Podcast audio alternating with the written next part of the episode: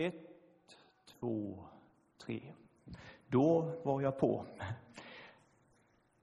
Jätteroligt att få vara här tillsammans med er. Pastorsbytardag. Bo är i pingst och jag är här. Så jag ska försöka predika här idag, den här förmiddagen. Och eh, har bett att eh, det här ska få bli en gudstjänst som verkligen ska få beröra dig på djupet. Är det okej okay att vi står upp tillsammans så ska jag läsa ett bibelord för er.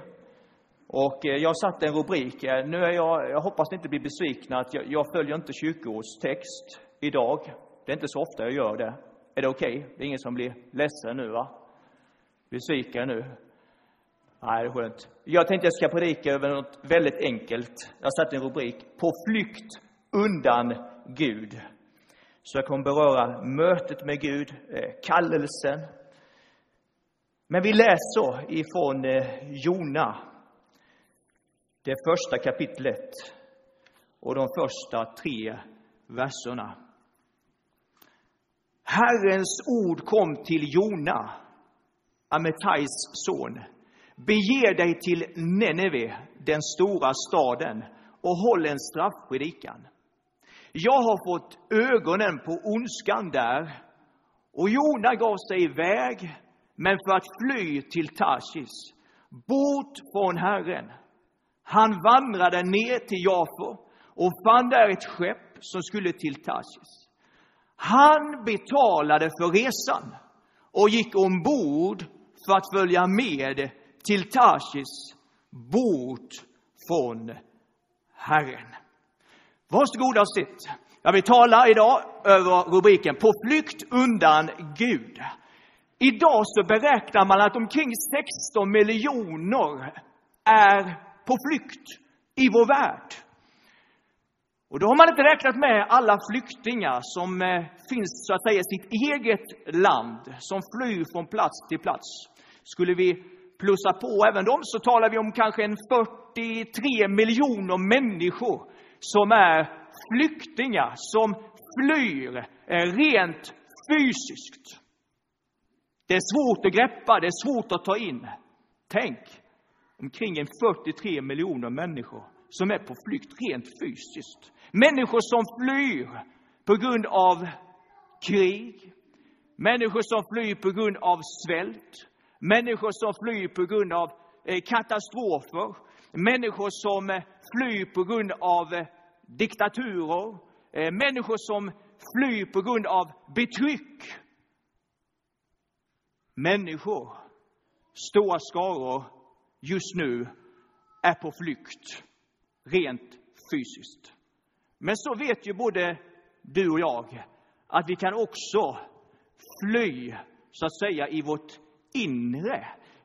Vi kan vara på flykt i vårt inre från saker och ting. Vi kan vara på flykt från jobbiga minnen. Vi kan vara på flykt från sår. Vi kan vara på flykt från relationer. Vi kan vara på flykt från bekymmer, ifrån problem. Man kan vara på flykt.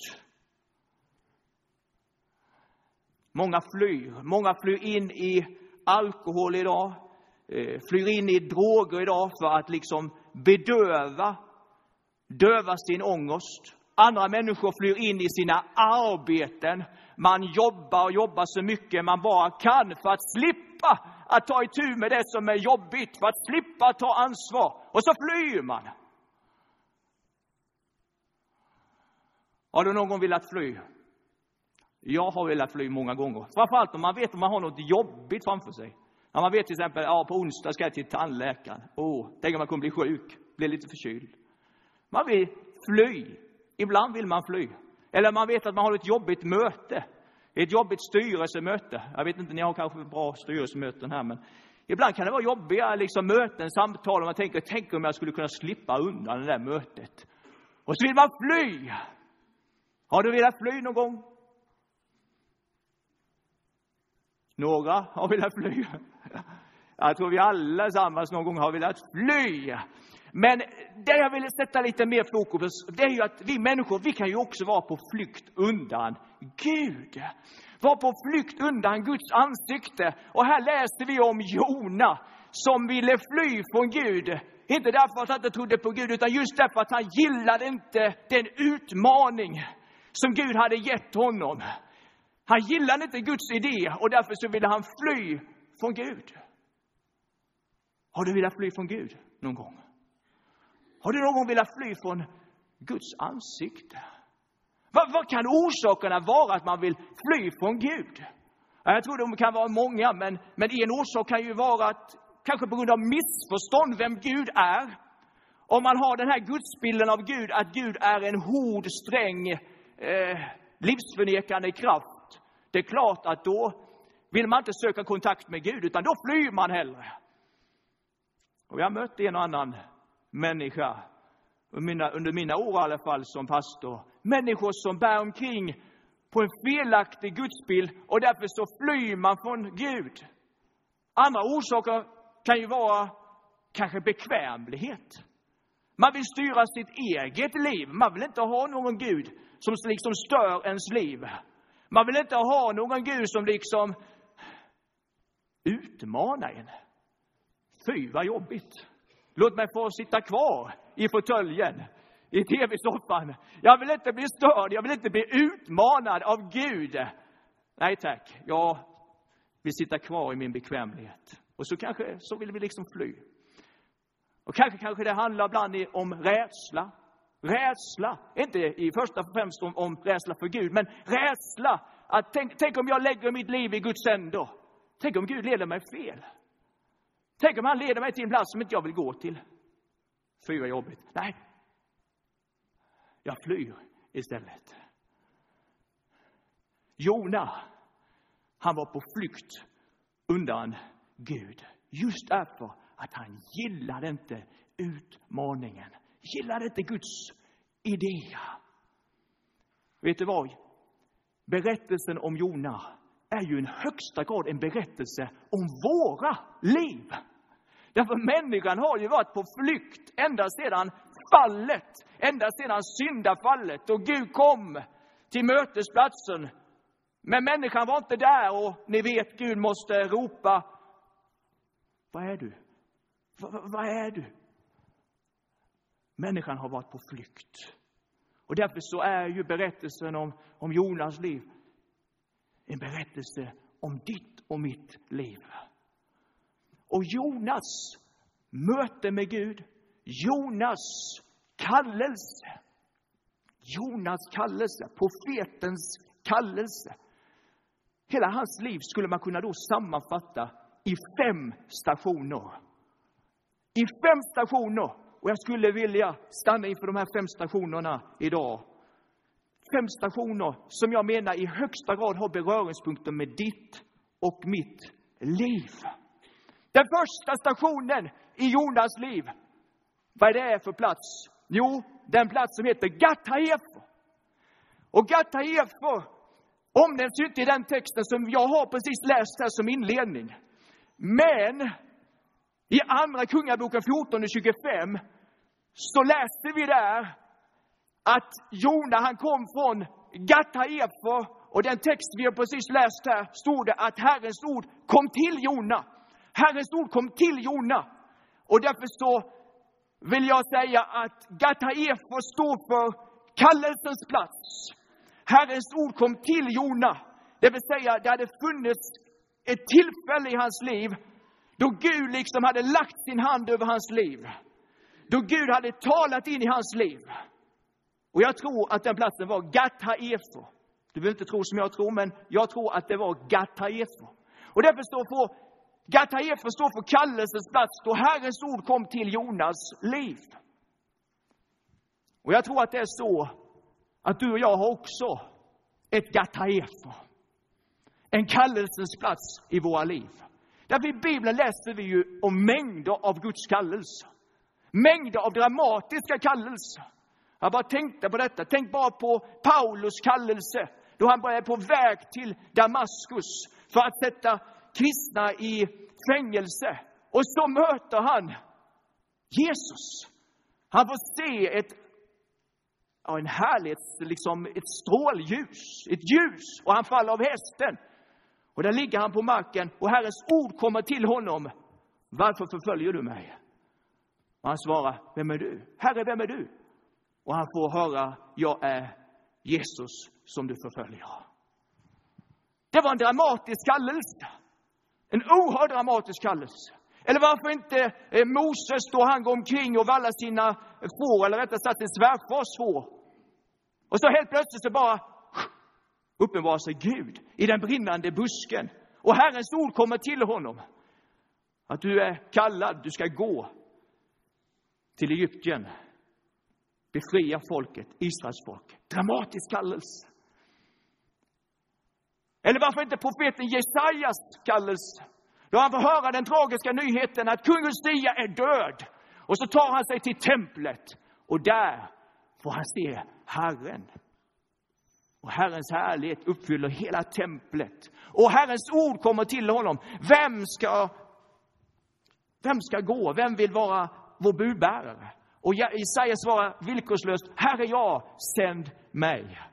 Det var en dramatisk kallelse. Eller varför inte jungfru Maria som kanske står i köket och donade och helt plötsligt bara så uppenbar sig en, en ängel, Gabriel. Och Herrens ord kommer till Maria. Du är utvald, du är, du är kallad, eh, du har funnit nåd. Och du ska föda Guds son. Dramatiska kallelser som vi möter i Bibeln. Och du kanske sitter och tänker, måste alla, alla kallelser vara så dramatiska? Jag har svårt att kunna identifiera mig med alla dessa dramatiska kallelser. Kan inte en kallelse vara enkel, jordnära? Absolut, absolut. Vi kan ju bara titta på när Jesus kallade sina lärjungar. Det skedde ju vardagliga samtal och Jesus kom i samtal med dessa eh, unga killar och sa följ mig. Det skedde i ett samtal. Och de lämnade sina yrken, sina jobb, sin inkomst och följde Jesus. Så en kallelse kan vara väldigt dramatisk, men den kan vara också väldigt odramatisk. Ingenting är bättre, ingenting är sämre. Men det vi kan slå fast är att alla dessa kallelser som vi kan läsa om i Bibeln hade någonting gemensamt. Vad då för något? Nämligen att när Gud hade lagt sin hand över dessa människors liv så hade de svårt att liksom bara släta över det.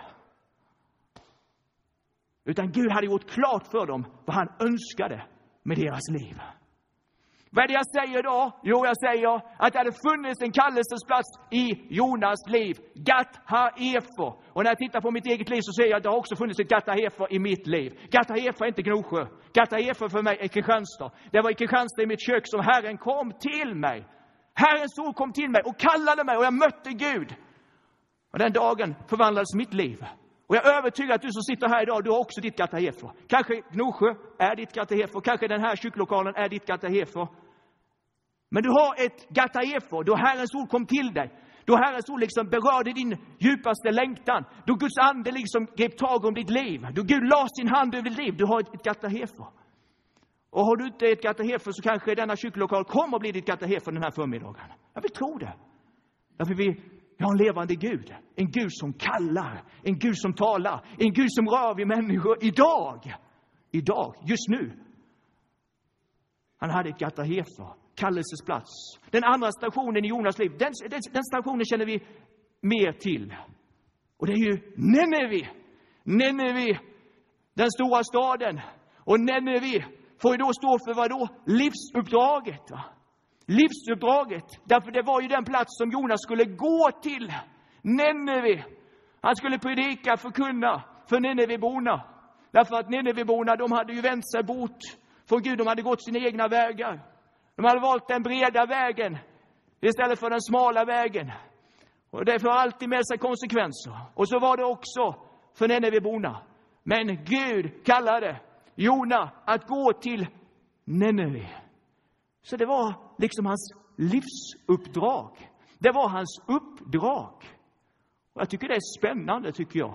Detta säger ju att Jona, Jonas liv hade en mening. Det fanns en mening med Jonas liv.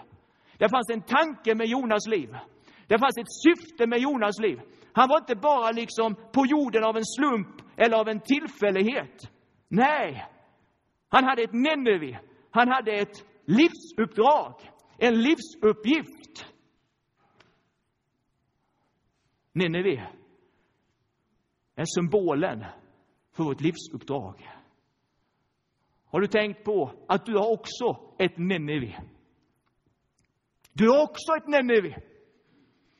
Du är inte här av en slump. Det var det vi hörde i inledningen, inledningsordet här. Du är inte här av en tillfällighet, du är inte här av en slump. Du är inte här av en olyckshändelse. Utan det finns en plan, ett syfte med ditt liv. Du har ett Nineve. Du har en livsuppgift. Men frågan är, vet du vad ditt Nineve är? Vet du vad ditt Nineve är? Vet du vad din kallelse är? Om du inte vet vad ditt Nineve är, så skulle jag vilja råda dig att söka Gud, att söka Guds ansikte, så att du får klarhet vad ditt Nineve är, vad din livsuppgift är. Alla har vi ett Nineve. Jona hade ett Nineve. Moses hade ett Nineve. Det var Egypten. Paulus hade ett Nineve, det var hedningarna. Du har ett Nineve. Du har ett Nineve. Kanske ditt Nineve är att du ska jobba med trasiga, utslagna människor. Kanske ditt Nineve är att du ska jobba med barn. Kanske ditt Nineve är att du ska jobba med våra nysvenskar. Med våra romer som har kommit hit här till, till Gnosjö. Det är kanske ditt Nineve. Vad vet jag? Ditt Nineve är kanske du ska resa ut som missionär. Ditt Nineve är kanske du ska jobba som lärare på en skola. Du har ett Nineve. Och jag tycker det är så spännande. Jag tycker det är så spännande att vi allesammans har ett Nineve. Det finns ett livsuppgift, det finns en kallelse över ditt och mitt liv. Vi skyndar vidare. Den tredje stationen i Jonas liv. Vad är det för station? Ja, men det är Jafo.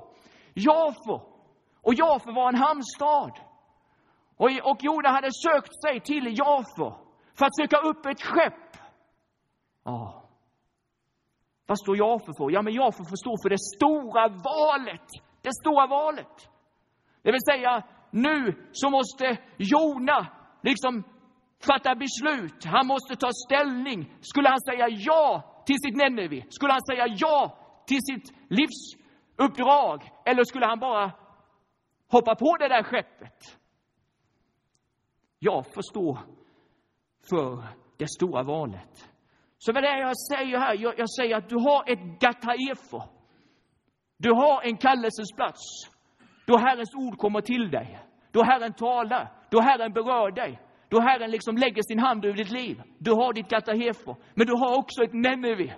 Det vill säga din, din kallelse, ditt livsuppdrag. Men så har du också, vi allesammans har ett Jafo. Där vi måste säga antingen ja till vårt Neneve eller så säger vi nej till vårt Neneve. Men det finns ett val. Det finns ett val. Jafo är valet. Och det fanns väldigt mycket i Jonas liv som ville säga nej till uppdraget, till Neneve. Det fanns väldigt mycket, därför Neneve var Assyriens huvudstad. Och historikerna, en del historiker menar att, att Neneve kanske var på den tiden den, den största, mäktigaste staden. Och inte bara det, Assyrien var Israels fiender. Israels fiender. Och vi kan också längre fram läsa hur, hur tio av Israels stammar blir till och med bortförda som krigsfångar till just Assyrien. Det var ett tufft uppdrag som Jona hade fått. Det är aldrig lätt att be för sina fiender. Det är aldrig lätt att älska sina fiender. Det är aldrig lätt att be för dem som välsignar en.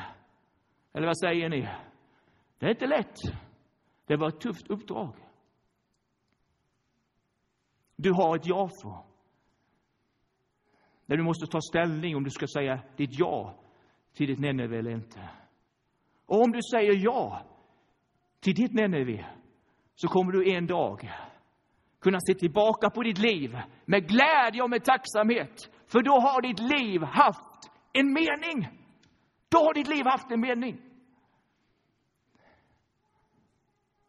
Och kanske är det så att för någon här idag så kommer den här kyrklokalen i, i Gnosjö, denna kyrklokal, kanske kommer bli ditt Jafo.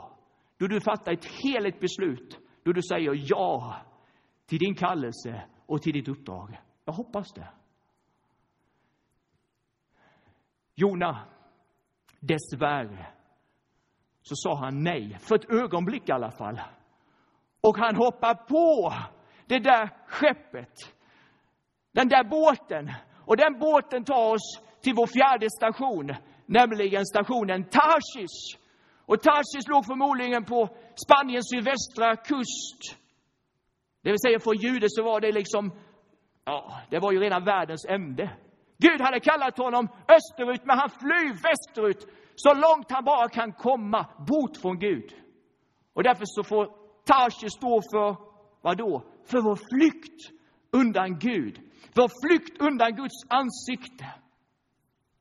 Vår flykt undan Guds ansikte. Tarsis är platsen där vi flyr. Bort ifrån Gud. Hur trodde Jona att han skulle kunna fly ifrån Gud? Det är omöjligt att fly från Gud. Ja, du kan ju försöka. Det kan du göra. Men du kommer misslyckas. Ja, visst, du kan ju försöka fly. Men priset kommer bli högt.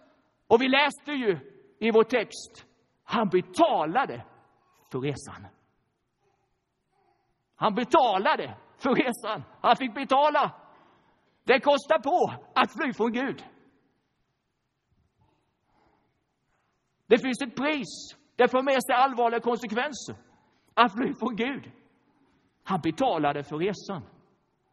Tarsus är platsen där vi försöker fly undan det som våra liv egentligen borde handla om. Tarsus är platsen där vi försöker pruta med Gud. Tarsus, vår flykt undan Guds ansikte och det som våra liv borde handla om. Tarsus skulle kunna vara slutet på berättelsen. Och då hade det varit en tragisk historia, inte sant? Det skulle kunna varit slutet. Det skulle kunna varit den sista stationen för Jona, Tarsis. Men det finns en femte station. En mycket, mycket viktig station. En plats.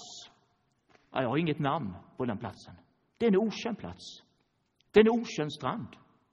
Men en mycket viktig plats. Därför det som händer med Jona, det är ju, han försöker fly, fly bort från Gud. Men han misslyckas. Gud genomskjuter honom. Sanningen hinner ifatt honom. Och han kastas av det där skeppet och han hamnar i djupet, i mörkret, i fiskens buk och där får han göra upp sin sak med Gud och sedan så spottas han upp på en okänd plats, på en okänd strand.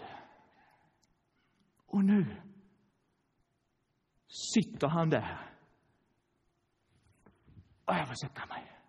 Inte för att jag är trött, men för lite illustration. Nu sitter han där.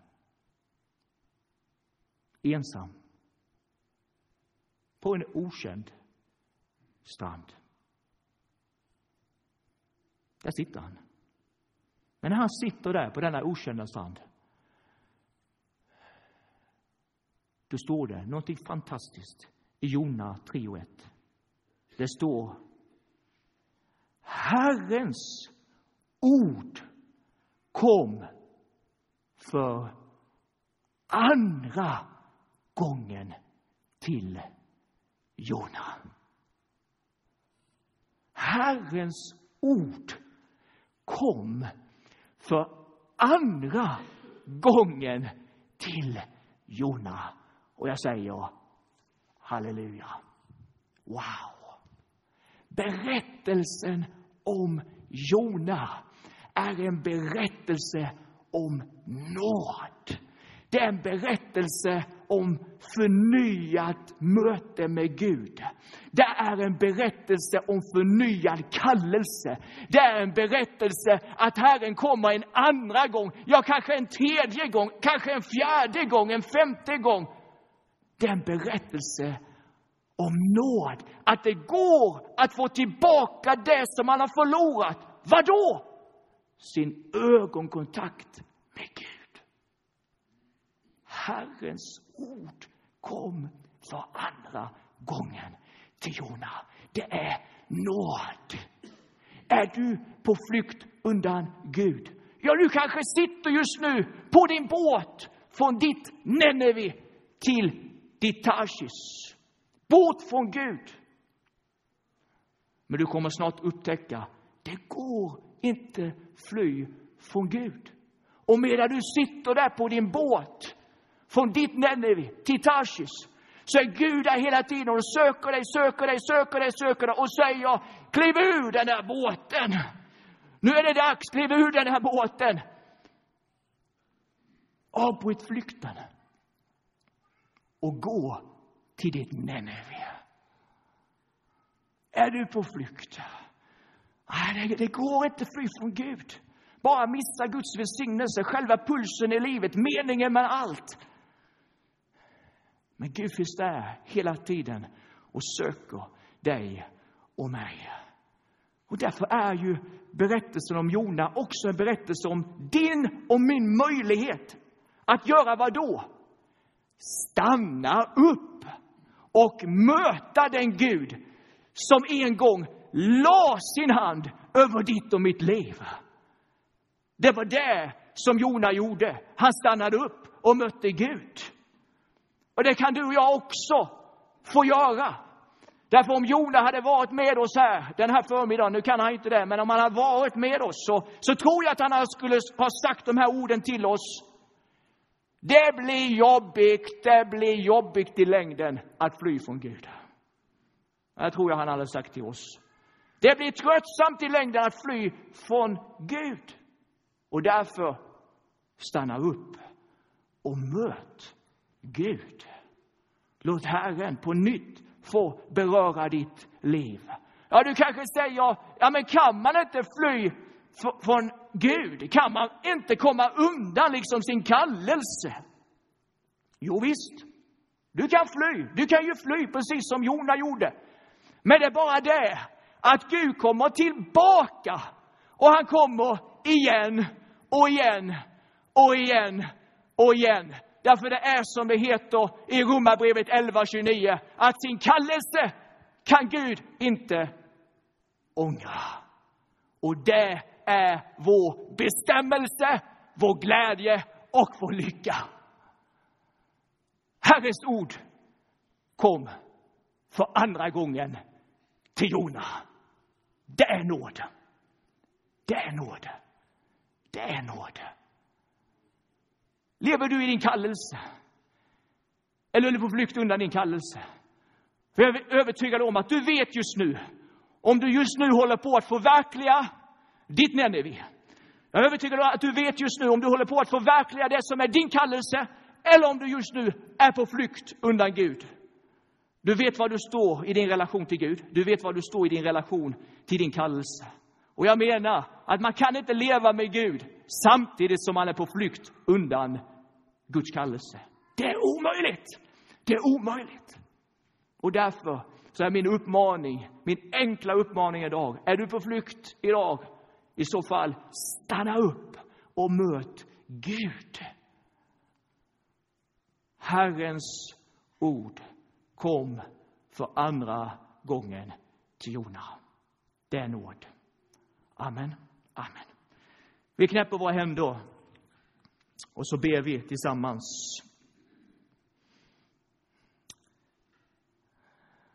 Jag tackar dig, Herre, att du är mitt ibland oss just nu. Och Herre, du ser, Herre, om det finns någon eller några här idag som har kanske varit på flykt undan ditt ansikte, kanske på flykt undan din kallelse. Herre, tack att du är här för att möta. Tack att du är här för att förnya din kallelse över våra liv. Och kanske, jag tror att det finns säkert en annan här som kanske behöver klarhet. Man vet inte vad, vad ens Neneve är. Och då ber jag om klarhet här. Jag ber om klarhet här. Så att vi får klarhet vad vårt Neneve är, vad vår kallelse är. Tack att du är en Gud som talar. Tack att ditt ord kommer till oss just nu. Du berör vår längtan. Du berör vår djupaste längtan just nu. Tack att du talar med din Ande. Jag ber i Jesu namn. Amen. Amen.